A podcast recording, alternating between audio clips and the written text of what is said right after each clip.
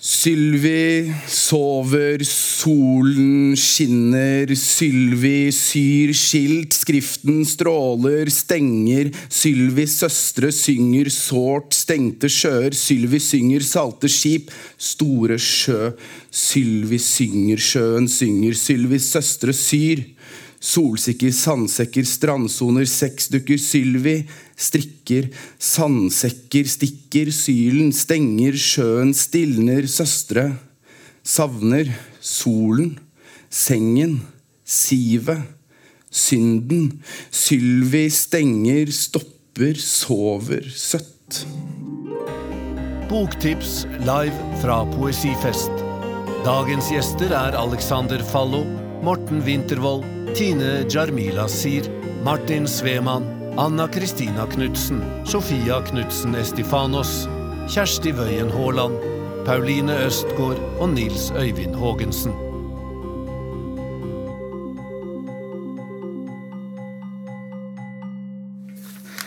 Velkommen til Poesifest. Velkommen fra Flamme Forlag og Cappelen Dam. Jeg heter Jon Erik Reilly og er redaksjonssjef i, i Cappelen Dam. Det er Nils Øyvind Haagensen fra Flamme Forlag. Og Det er hyggelig å se folk her på altså det, er, det er jo jul, det er travelt, og likevel kommer folk hit for å høre på og oppleve poesi. La meg si det slik. Poesien er akkurat det vi trenger akkurat nå. Eller vi trenger den hver dag. Den er hos oss hver dag, omgir oss, selv om vi ikke alltid ser det selv. Plutselig er den mer synlig for oss, i en linje vi oppdager ved en tilfeldighet, i et glimt vi ser i sidesynet idet noen passerer. Den er i ordene og stundene vi tror ikke er poetiske, men er poetiske likevel. Av og til blant enkelte påstås det at poesien er abstrakt, eller at den er smal. Den er ikke det. Noe denne høytiden, denne opptakten til jul, alt det vi foretar oss i desember, kan være et eksempel på. For vi er omgitt av poesi som vi lager selv. Eller for å si det på en annen måte, dette er tiden da poesien kanskje er mest i bruk. Mest synlig i 'Deilig er jorden' og, og 'På låven sitter nissen', selvfølgelig, men også i fortellingene vi deler og stundene vi har sammen i alt som glitrer. Vi kler verden i julepynt, for julen er en slags utopi. Eller den er en utopi vi gjør til noe virkelig, slik vi skal i kveld med ord.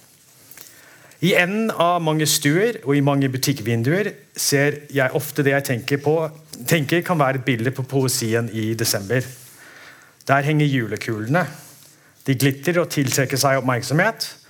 Og Nærmer vi oss dem, slik jeg gjorde som barn, titter vi i speilflaten, ser vi oss selv, omgitt av alt og alt det andre rundt oss. Verden er buet i overflaten og dermed intenst til stede. Verden glimrer med sitt nærvær. Og Slik er det også med poesien. Den samler, viser oss frem, viser oss verden. Poesien er konkret og jordnær. Det er noe man kan nærme seg, og den åpner verden, og den former den.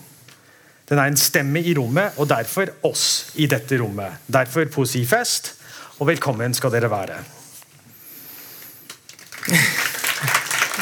Ja, hei. Hallo. Hallo. Noen som hører. Noen der. Gibt es jemanden? Is there anybody out there? Kloden brenner, og havet renner over. Vi gjentar.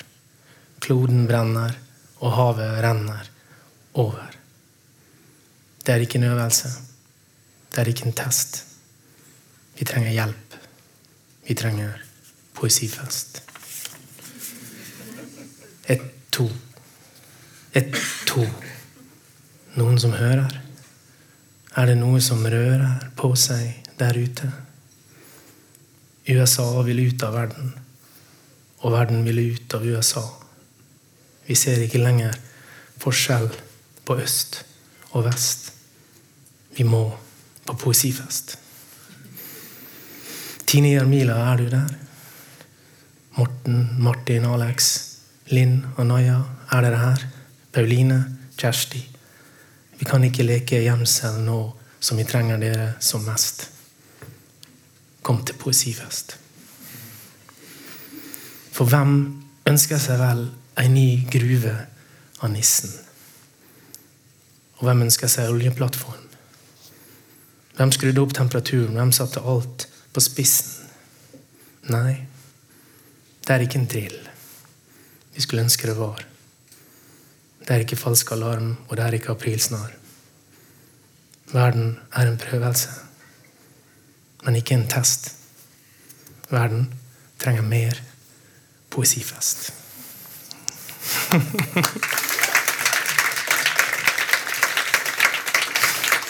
Ja, Poesien er ikke abstrakt, som dere hørte. Den kan være like konkret som menneskene i dette rommet, som lydene, som lysene. Den kan være like tydelig som stemmen til Nils Øyvind Haagensen. Jeg heter Fredrik Lønstad forresten og jobber i Cappelen Dam. Jeg skal introdusere det som programposten som heter Årets poeter, som er fire stykker som vi har valgt å, å ta med her i dag. Eh, det mystiske ved poesien, og det aller mest mystiske ved poesien, er jo at den fins. Det vil si, Årets poeter, eller årets diktsamlinger, de eksisterte jo ikke i fjor, men det gjør de i år. Det er fire stykker, som sagt. Eh, førstemann ut, eller første kvinne ut, er Tine Jamila Sir som debuterte i eh, Ja, nå var det, da? 2015, kanskje? Hvis jeg ikke husker feil. Men jeg tror bestemor lå med Frank Zappa. Eh, årets bok heter Om. Så ingen sammenheng der, formodentlig. Eh, hun er da, som sagt, Om, som er årets bok. For fjorårets diktsamling Viss så ble hun nominert til Sørlandets kritikerpris. Sørlandets litteraturpris, unnskyld. Vær så god, Jamila.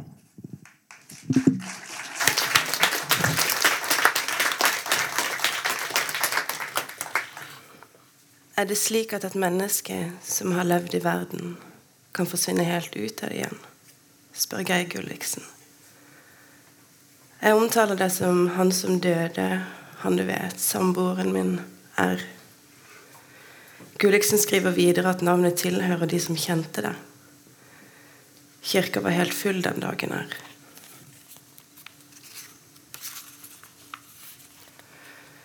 Om soverommet sa du at vi skulle male de svale farger. Noe om ro og hvile. Din mors ord, og jeg var enig. Men vi kom aldri så langt. Var for opptatt med å leve ute i stua, på kjøkkenet, oppå kjøkkenbenken, over rygglenet på sofaen. Det er stille nå. Rygglenet som en stille tjener som venter på beskjed. Jeg legger varen på kjøkkenbenken. Ingen lov til pappkrus å se noe sted. Og døra til soverommet er lukka. Den pleier aldri å være det. Å lukke den til var kanskje det nest siste du gjorde.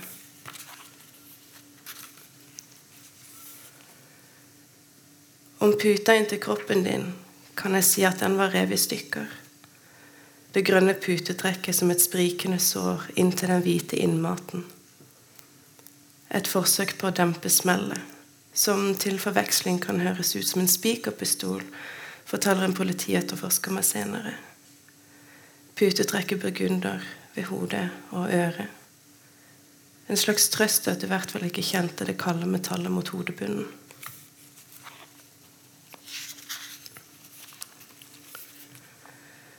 Om du bare visste hvilket liv du har begitt deg ut på å holde levende, ville du kanskje tenkt deg om noen ganger, sa du en kveld. Vi satt på balkongen, og skjegget ditt på langt nær overtatt ansiktet og øynene. Vi så ut på en solnedgang vi har sett fra denne leiligheten 243 ganger tidligere. 243 kvelder du bare venta på at jeg skulle gå. Tenk på det sånn, da, sa jeg. At jeg er så distré at jeg glemmer bleier på busstoppet, nøkler i støvlene og melka på kjøkkenbenken. Da kan jeg jo godt klemme meg selv her også. Se, sola er borte, men ikke vi.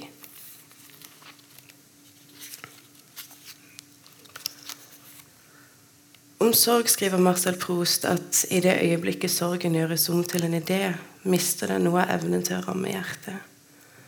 Sånn kom alt dette til. At jeg skulle skrive boka om livet du ikke ville mer. Hva du etterlot deg, og hva du tok. Gi det til den som ammer, et barn i en begravelse. Og de som sitter på fremste rad og ikke får blikkontakt med andre enn presten. Jeg skal snart slutte å omtale deg i presens.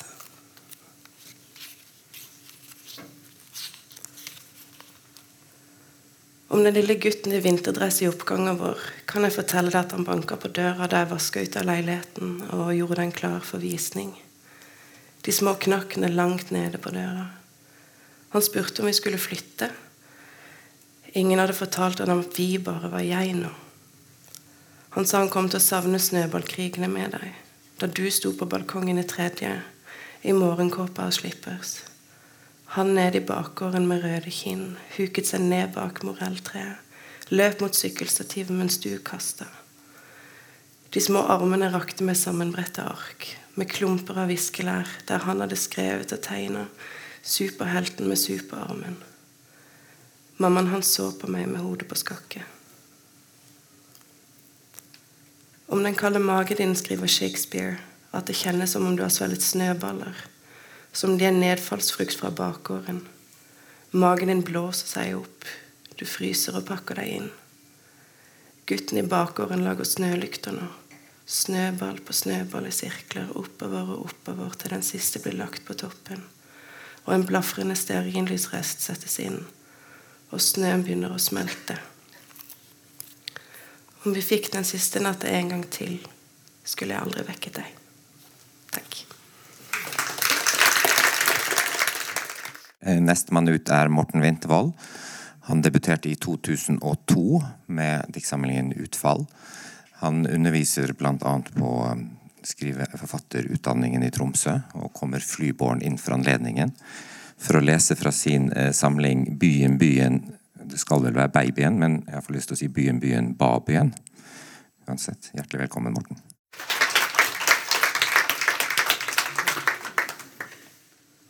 Nei.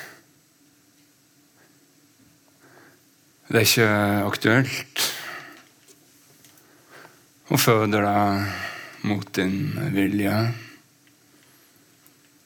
Da får du heller fraskrive deg gleden over å se den gul-oransje søppelbilen runde svingen mot en bakgrunn av isklumper i brøyteskavla.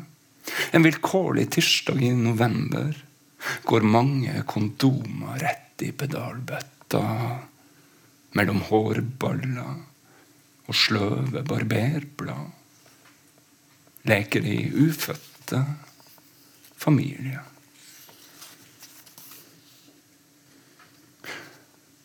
Fødselen sammenfaller med et utbedringsarbeid i gata og farfars dødsleie. Han sier faen og satan i annenhver setning. Var gruvearbeider på Svalbard i ungdommen. Hadde kvenske aner, gikk i varmekjeledress, og nå skal han være farfar i noen dager. Før gropa fylles med drensmasse, og asfalten skal på.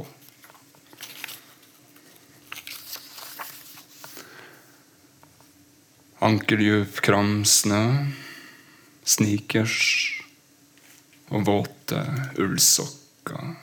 Strikka av spøkelser i utkanten av kommunen.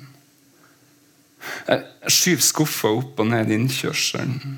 Glideflata gnisser mot pukken. Begynte disse adressene, innkjørslene, byen, som et unntak mellom trærne.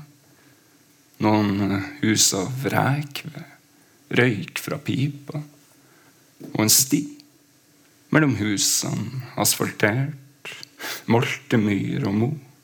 Under grunndekket og kramsene flytta farfar inn og forplanta seg.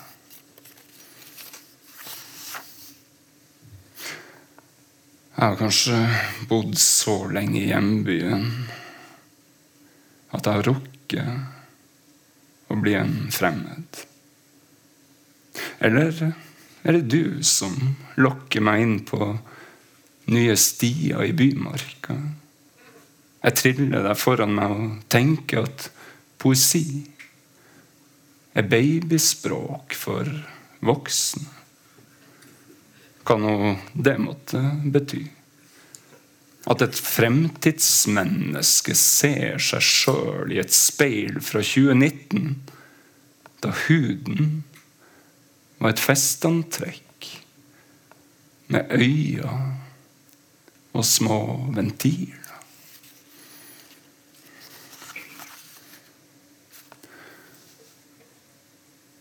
Et gammelt livbåtkompass lå igjen etter farfar. Brist i glasset. Spriten fordampa. Pila pekte ut himmelretningene helt vilkårlig. Er verden full av folk som klarer seg uten de døde?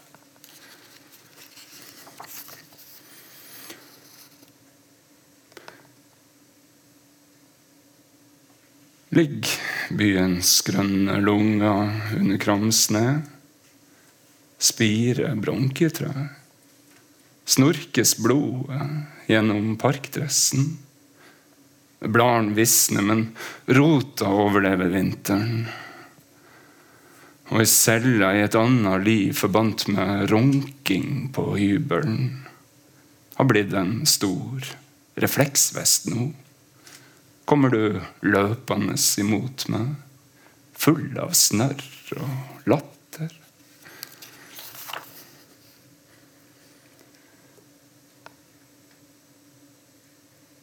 Jeg finner deg bak blant krydderplanter en vinterkald junidag i den botaniske hagen for alpine og nordlige vekster.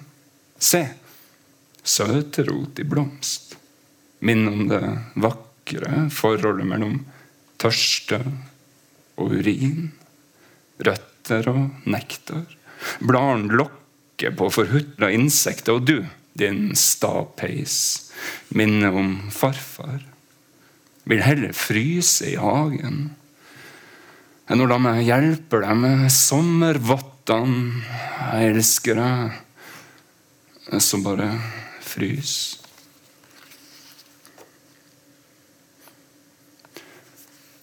I hver enebolig fins ei slik fyrstikkeske. På ei seng av bomull fire melketenner. Barna har for lengst flytta ut av huset og inn i andre kropper. Men tennene er fortsatt i bruk. Mot kvelden legger en aldrende far en jeksel under tunga og suger.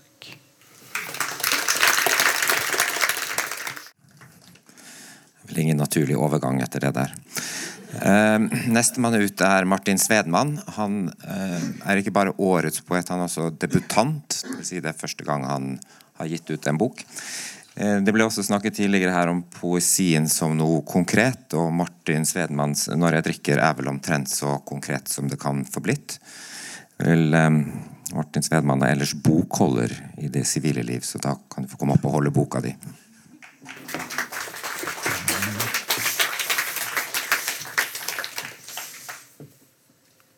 Jeg bodde i et varmt, stort hus som klirret.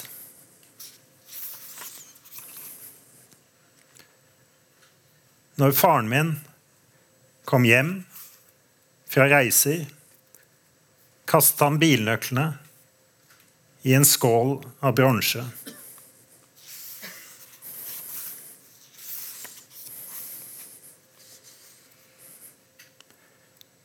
Vi kan ta et glass eller to. Det gir en behagelig følelse. Andre tåler ikke å drikke, sier foreldrene mine. Jeg vil finne ut om jeg er som dem.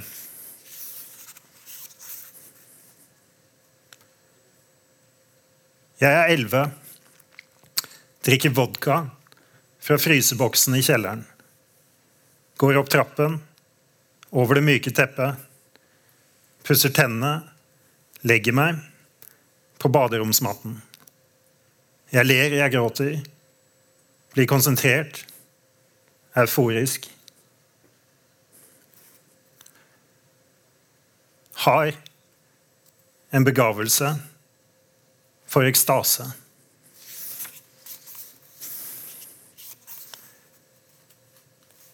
Tatt blindtarmen. Sier til pleieren at det gjør vondt.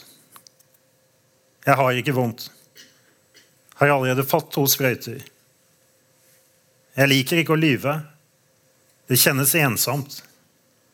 Men denne medisinen, disse sprøytene Jeg elsker det. Og Gud.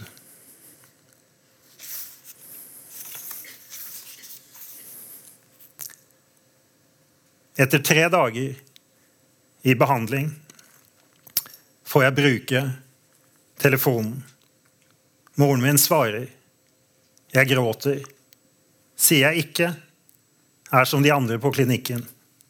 Kriminelle, konemishandlere, narkomane. Jeg vil hjem. Jeg elsker henne. Hun må hente meg. Jeg lover å ikke drikke.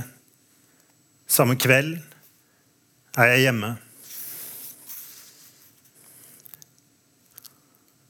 I november kler jeg meg naken, slår ut kjellervinduene i villaen med en peisspade, går over motorveien, hopper fra en brygge, står lenge i det kalde vannet, vil svømme ut, svømmer ikke ut, har ikke drukket ferdig.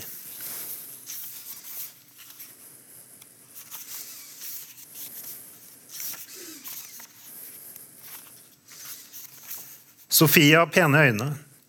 Intelligente, grønne, triste. Har ikke bestemt seg for hvilke fag hun skal ta til høsten. Hun spør meg hva jeg liker med revisjon. Jeg liker når tallene synger, sier jeg. Trenger en pause. Dirigenten forstår seg ikke på. Berlios, sier Sofie. Midt i den tredje satsen reiser vi oss, går på bar. Sofie drikker like fort som meg. Jeg elsker det.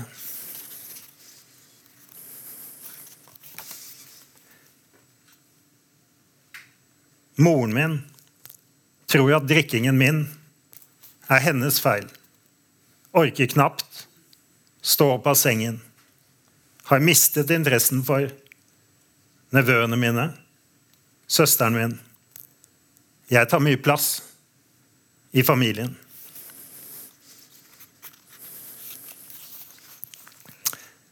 I romjulen er vi på Beitostølen. Det er vår tur til å ha ferie sammen. Mens jeg var på klinikk, dro Sofie alene til Barcelona. På dagene står vi i bakken. På kveldene spiser vi middag og legger oss. Jeg drikker ingenting, tenker ikke tanken, legger meg tidlig. Vi bruker heiskortet mest mulig.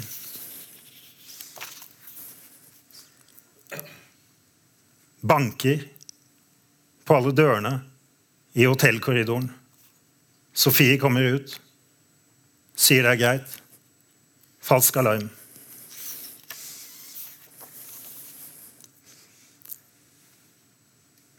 Flyttebilen har dratt til minilageret på Økeren. Det er så trist å koble til Sofie og Henriks wifi. De dype rommene er avskoget. Nettverket er det eneste som er igjen.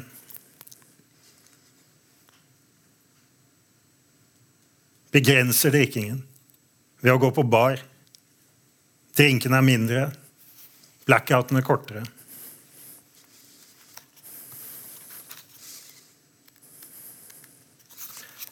Jeg skrur av mobilen, låser meg inne med en plan om å se på Netflix, røyke sigaretter, ikke komme ut før skjelvingen har gitt seg.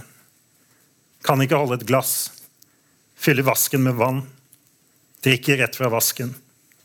Etter tre dager får jeg i meg en skje fiskesuppe. Det er deprimerende.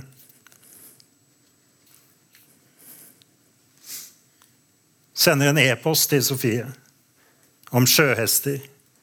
Bruker lang tid på den. Jeg skriver at sjøhestene opprinnelig hadde rette kropper, som små nåler.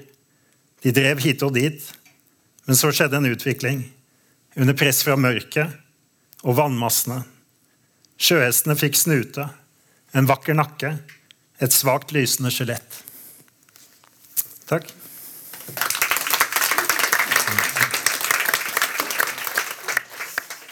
Takk til eh, Svedmann. Eh, Siste poet ut er også debutant. Anna Kristina Knutsen, eh, som debuterer med 7078 Saupstad, som er det bokstavelig talt setter Saupstad på kartet. Velkommen.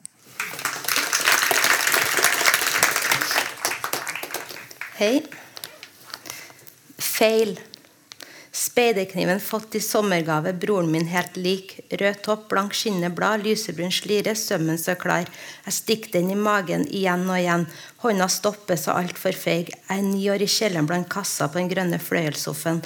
Ved brun, dobbel kulelampe, mote igjen. Jeg stikker og stikker.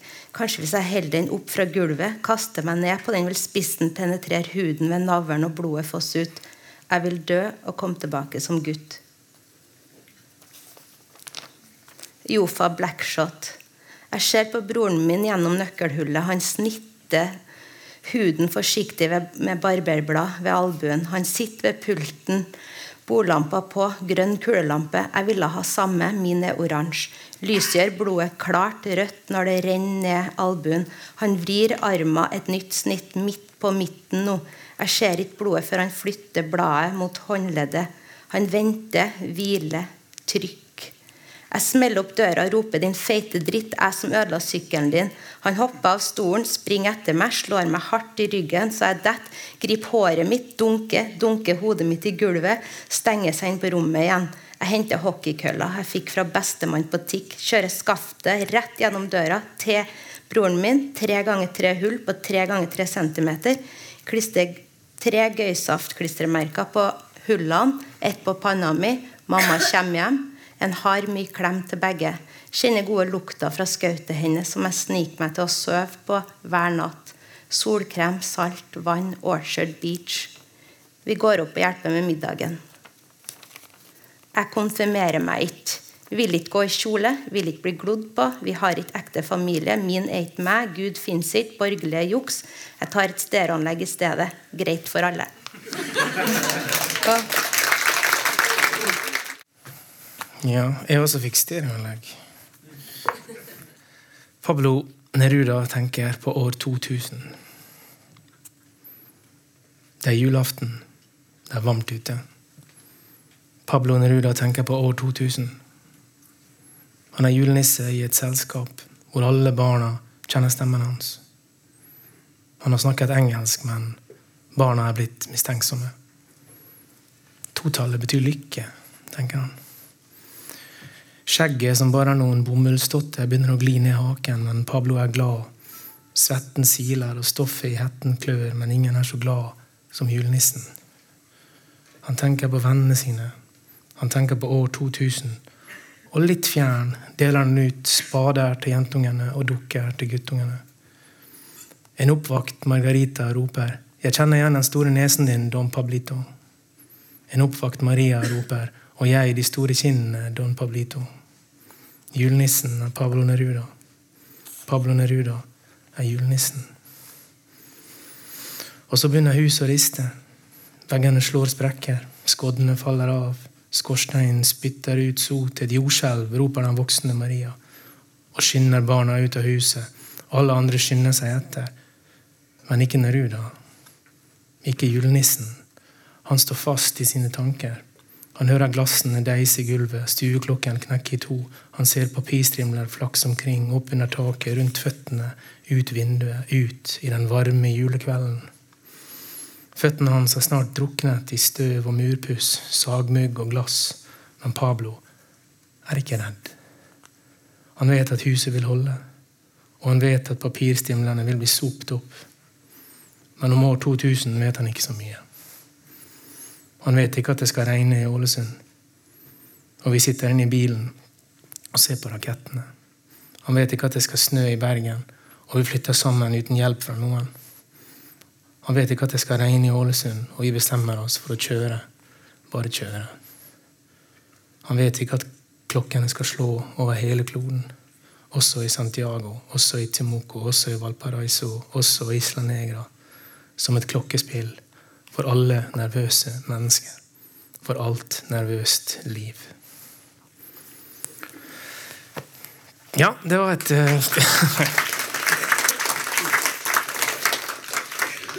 Det var en intro, faktisk, til en annen poet. Det var et dikt eh, jeg skrev for mange mange år siden. Og eh, når, vi, når jeg tenkte på å introdusere hun jeg skal, dem jeg skal introdusere nå, som er Kjersti Wien Haaland og Pauline Austgaard, som skal lese og synge om jula, så, så tenkte jeg på juledikt. Eh, og så kom jeg på hei, vent litt, jeg skrev et juledikt. Men grunnen til at jeg ikke tenkte på det med en gang, var at det er et juledikt som jeg ikke tenker på som juledikt. Sånn som det fins julefilmer som egentlig handler om jula. Bare, og veldig mye litteratur som vi tenker på som julelitteratur, er nettopp det. det er litteratur som skjer i jula. Men som ikke er julelitteratur i den forstand at det handler spesifikt om jula. Feiringa, ideen om det, eller gleden, forventningene. Alt det der da. Som kanskje en del poeter anser som for enkelt eller for endimensjonalt til til å bli poesi, muligens. Lykke, hva er vel det? Uh, men Kjersti Wøien Haaland, heldigvis, hun, uh, hun er litt annerledes. Hun tenker annerledes om det. og Hun har nå de siste åra ikke klart å la være å skrive dikt nærmest hver dag, hver desember, som handler om jul. Og jul på ordentlig. Uh, det skal vi høre henne lese fra nå. Disse dikta hun har skrevet som julekalendere opp gjennom uh, de siste åra har vi gitt ut som uh, egen bok nå, som heter 'Ikke vekk de voksne'. Når jeg spurte Kjersti hvorfor vi skulle vekke de voksne, så sa hun for da, da, da, forsvinner fantasien, og da blir det så kjedelig. Og det kan jo hende det er sant. Men fordi uh, jula kanskje først og fremst når det kommer til liksom feiringa av, av, gleden og uttrykket eh, står i popmusikkens tjeneste, muligens. Det er i hvert fall juleplatene som dominerer heller enn julebøkene. kan vi trygt si. Så skal da Pauline Øsgaard også synge en uh, julesang i kjølvannet av dikta til Kjersti. Og De står veldig godt i lag. Uh, sangen til Pauline heter 'Annerledes jul'. Og Kjersti har også uh, skal altså gi sitt, sin royalties fra salget av hennes julebok til Alternativ Jul, som er en organisasjon som, som hjelper dårligere stilte med, med, å få ei ordentlig feiring. Og Det er jo kjempefint og typisk Kjersti, da, må, må, man kunne si. Så ta veldig godt imot uh, Kjersti først, og så kommer Pauline snikende opp uh, etter hvert. antar jeg. Ja. Vær så god, Kjersti. Hei, alle sammen. God kveld. Og god adventstid, sier man kanskje.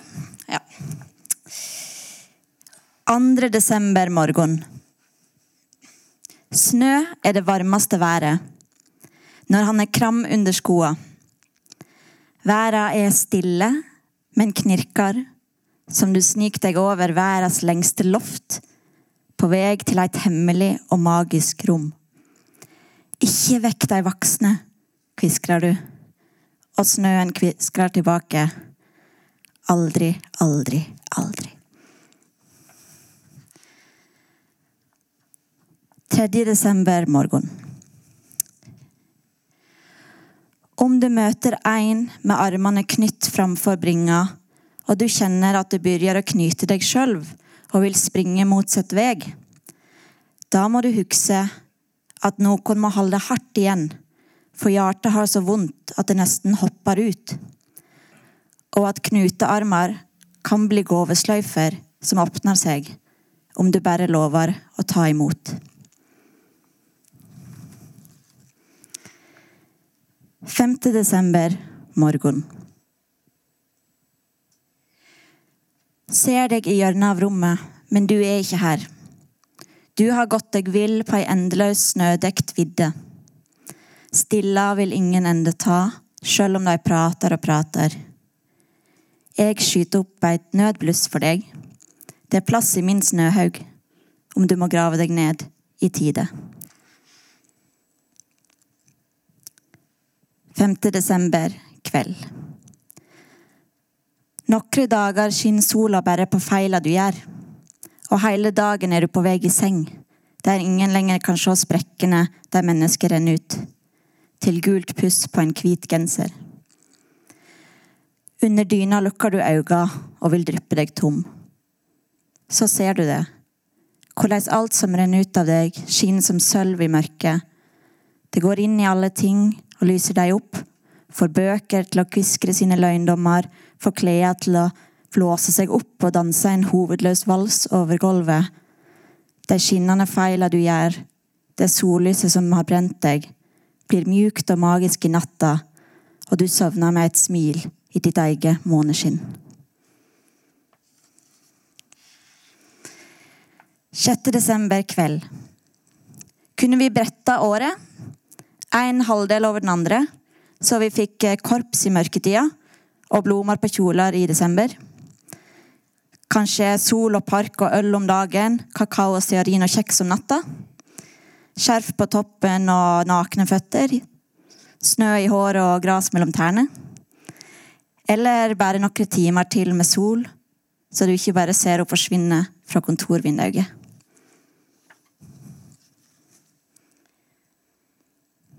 8. desember kveld. En ny design for det menneskelige sinn. En ny arkitektur på hierarkiet. En opp-ned-dag i veka. En himmel på jord. En engel på Stortinget. En statsminister som gret på TV på vegne av en venn. Et mindre distré hjerte. En stad vi kan møtes i stille og be til ingenting. Ei yngre vær med grønt håp. Et par gode tjukkelabber. Brødrister.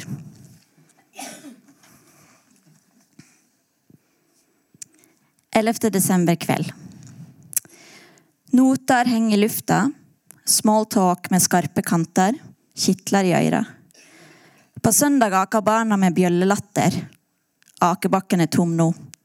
Men stemmene henger på strømledningene som julekuler. Kulda holder minnet fast, mye lenger. Lukker du øynene, kan du høre hele byens dagbok klirre som isbiter i et glass. 12. desember morgen. Et barn er født i Betlehem, Jerusalem, Raqqa. Et barn er født på Gazastripa i Rakhine, Manila. Et barn er født i Oslo, i Tokyo, i Teheran. Et barn er født i Cape Town, Kinshasa, Tripoli. Et barn er født i Trumps Amerika og Putins Russland. Til fulle byer, knuste byer, øydemark. De svever og danser lett og feller på oss tilfeldig. Slik vi var, biter av et blankt ark, hver eneste av dem en sjanse til.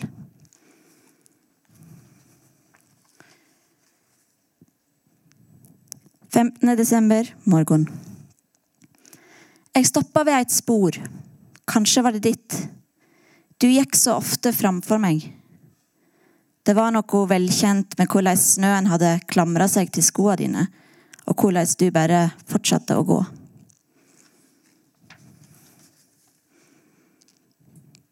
Desember morgen. Huset slumrer.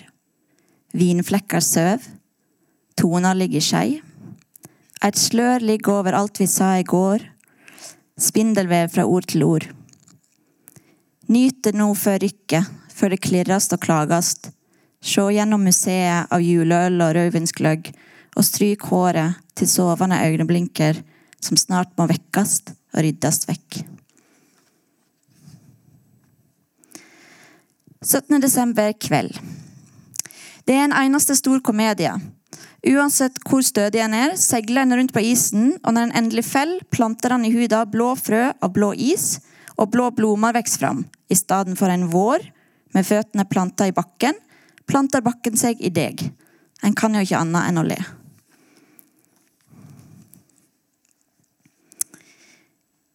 desember morgen. Vi får alle brøytekanter så høye at vi ikke kan se over dem når vi prøver å rydde veiene i hjernen.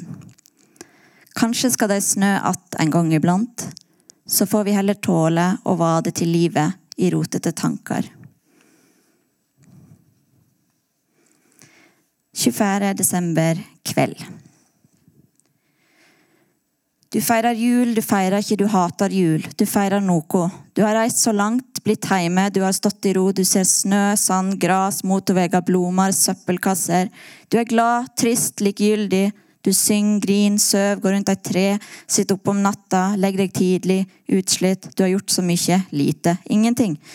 Du er omringa av folk, ensom i en flokk, alene. Du venter på en telefon. Du savner noen. Du er sulten. Må se Askepott, må se Reise til julestjerna. Må se Svare på de spørsmåla du ikke vil svare på. Kine medan du svarer på de spørsmåla du har venta på. Besøke grava.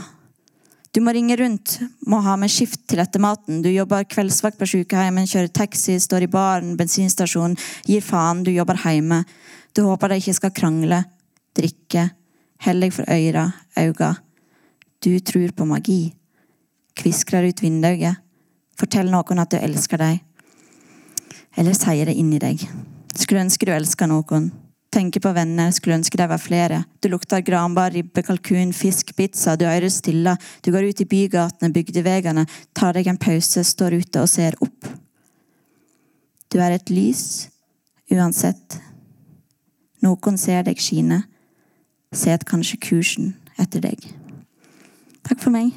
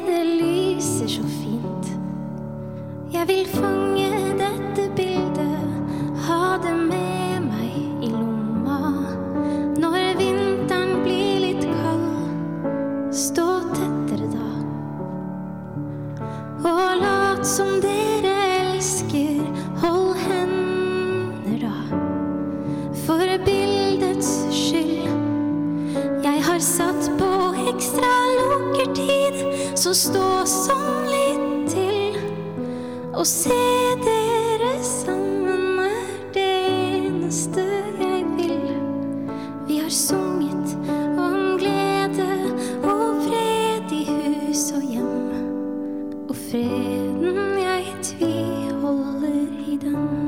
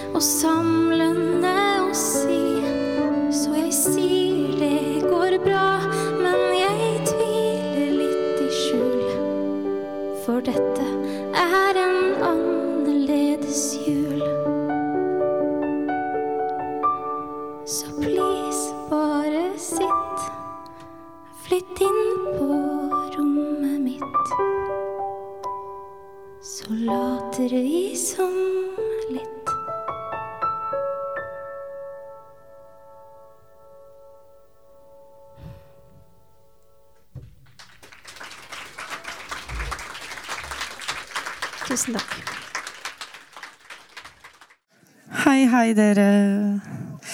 Um, noen av dere der bak må gjerne komme nærmere hvis dere vil, så dere får se bedre.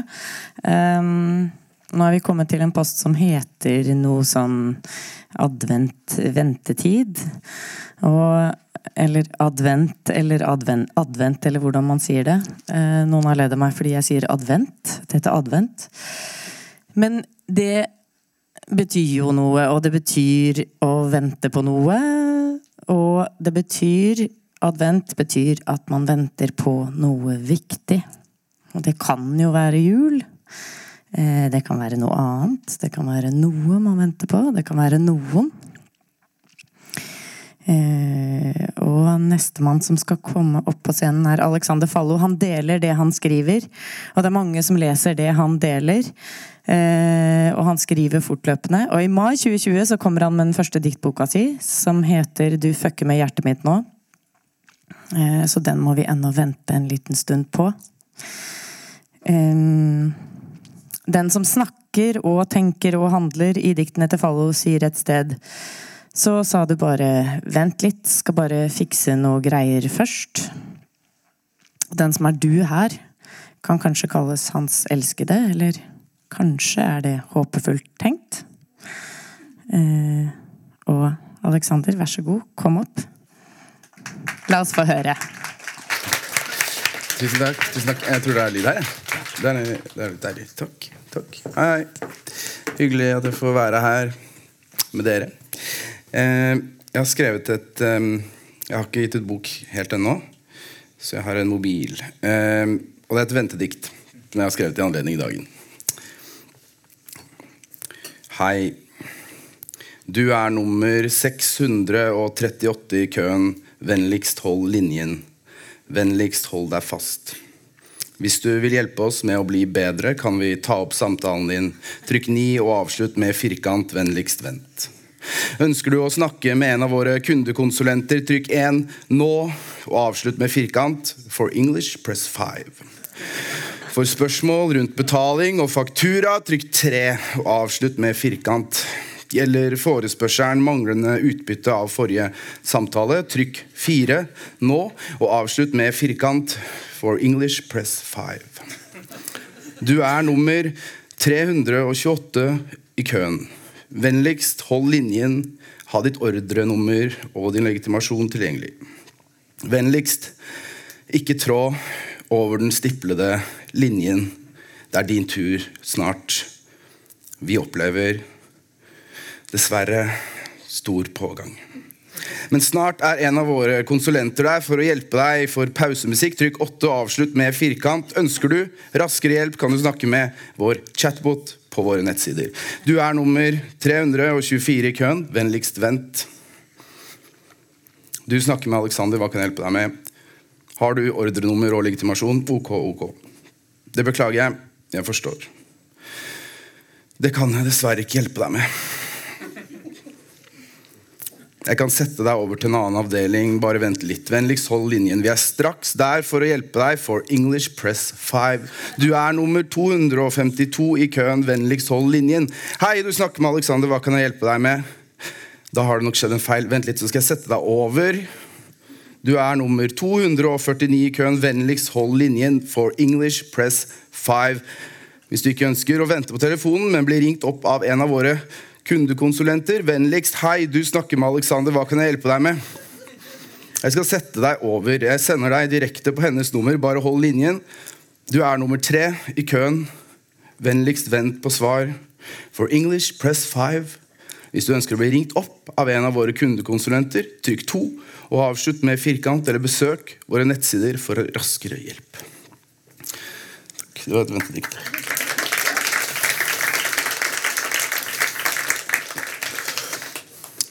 Du ringer meg opp for å fortelle meg alt det jeg ikke vil høre, men jeg tar den ikke.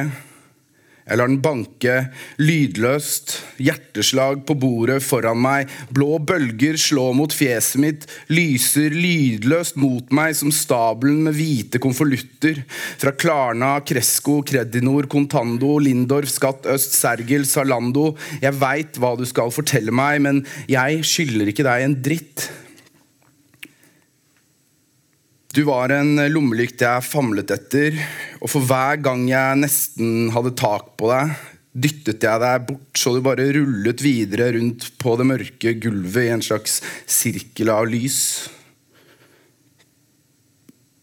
Det kommer ikke noe i en lukket hånd, sa pappa. Og jeg åpner håndflate, livslinje, støvkorn, barnål, sandslott, rister det jeg har med varme, klamme hender, fingre som kloromblader. Så mye hadde jeg, så mye ga jeg bort, så mye fikk jeg igjen, men den regla nevner aldri noe om det man bare faktisk mister. Jeg skal ta to dikt til, til dette er litt Det er jo mitt lille, lille politiske hjørne, som er innimellom.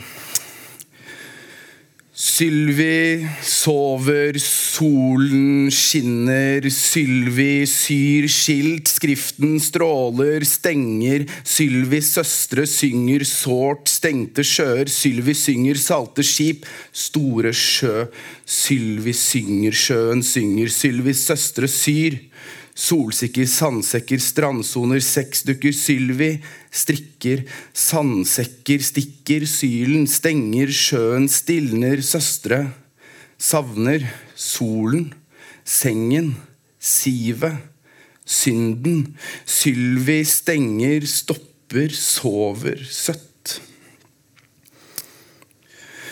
Så eh, er det snart jul, eh, snart nytt år, så jeg skal lese et nyttårsdikt som man kan lese hvert år. Ikke jeg, akkurat samme hvert år, nesten.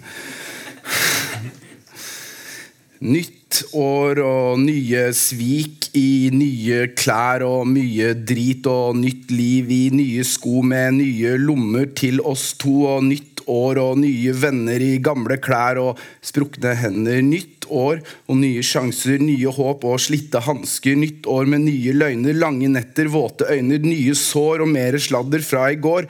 Fra papegøyer og påfugler i nye fjær, og jeg er borte, og du er der, og et nytt år med nye penger. Nytt år med alt vi trenger. Nytt år med nye kriger, barneskrik og gjeld som stiger. Nytt år med weekendturer.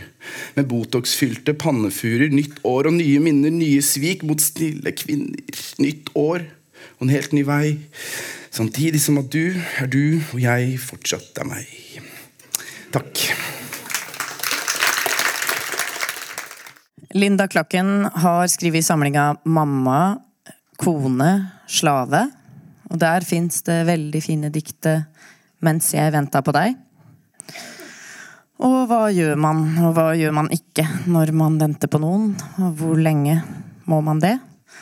Og blir ventinga til det som advent betyr, altså å vente på noe viktig?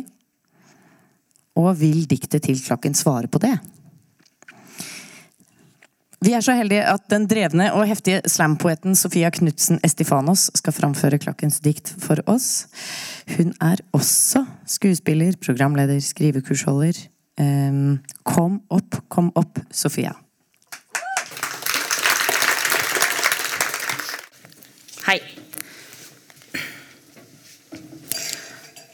Jeg venter på at sola skal stå opp, og jeg venter på en kjærlighet som er større enn politikk og religion. Og jeg venter på at noen skal oppdage at et menneske er et menneske, og strekke ut ei hånd. Og jeg venter på at noen skal gjøre plass til homsepunkeren på T-banen. Og jeg venter på riksvåpenet. At løven skal strekke på beina og brøle. Og jeg venter på psykiaterne som mener angsten for å bli forlatt er en god grunn til å ta seg sammen. Og jeg venter på at pave Frans skal sette seg ned og holde kjeft. Og jeg venter på usynlige landegrenser for de som trenger en pause fra bomberegnet. Og jeg venter, sa jeg det, på en større kjærlighet. Og jeg venter på en ny sjanse. Og jeg venter på det faderlige klappet fra den gamle universitetsprofessoren som nylig spytta etter meg. Og jeg venter på det stille regnet etter lyn og torden. Og jeg venter på at noen skal gripe mikrofonen. Og jeg venter på bevis for at din Gud virkelig elsker alle barna. Min Gud spiller Bach og elsker hagefester. Og jeg venter på at han fyren som sitter sammenkrøket i et smug bak slottet, skal få et ledig værelse. Og jeg venter på en større kjærlighet, sa jeg det. Og jeg venter utenfor perleporten, og jeg venter i suppekøen utenfor Blå Kors. Og jeg venter på at Margaret Olin skal komme til makta og dele ut hester til kidsa i de fattige strøka i byen. Og jeg venter på at de skal rive kjøpesenteret og bygge en olivenlund. Og jeg venter på at noen skal reise seg når andre ligger og blør i hjel utafor en homseklubb. Og jeg venter på et vennlig skuldertrekk. Og jeg venter på at Buddha skal ombestemme seg og snakke om noe annet enn lidelse.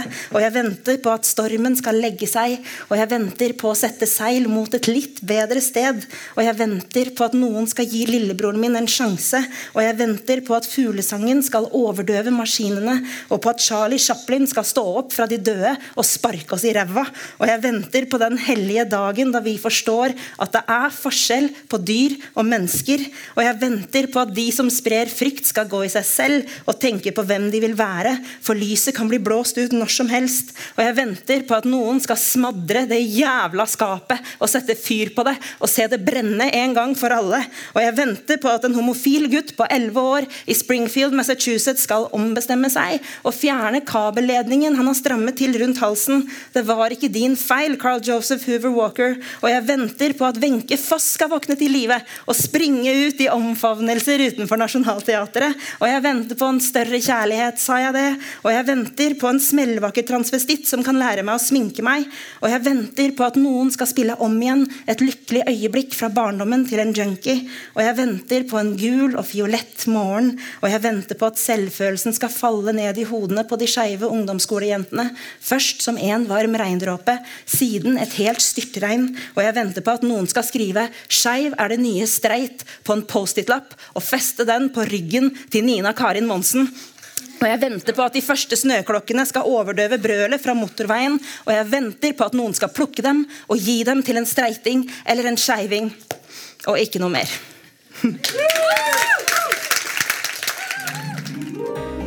Boktips, en podkast fra Cappelen Dam.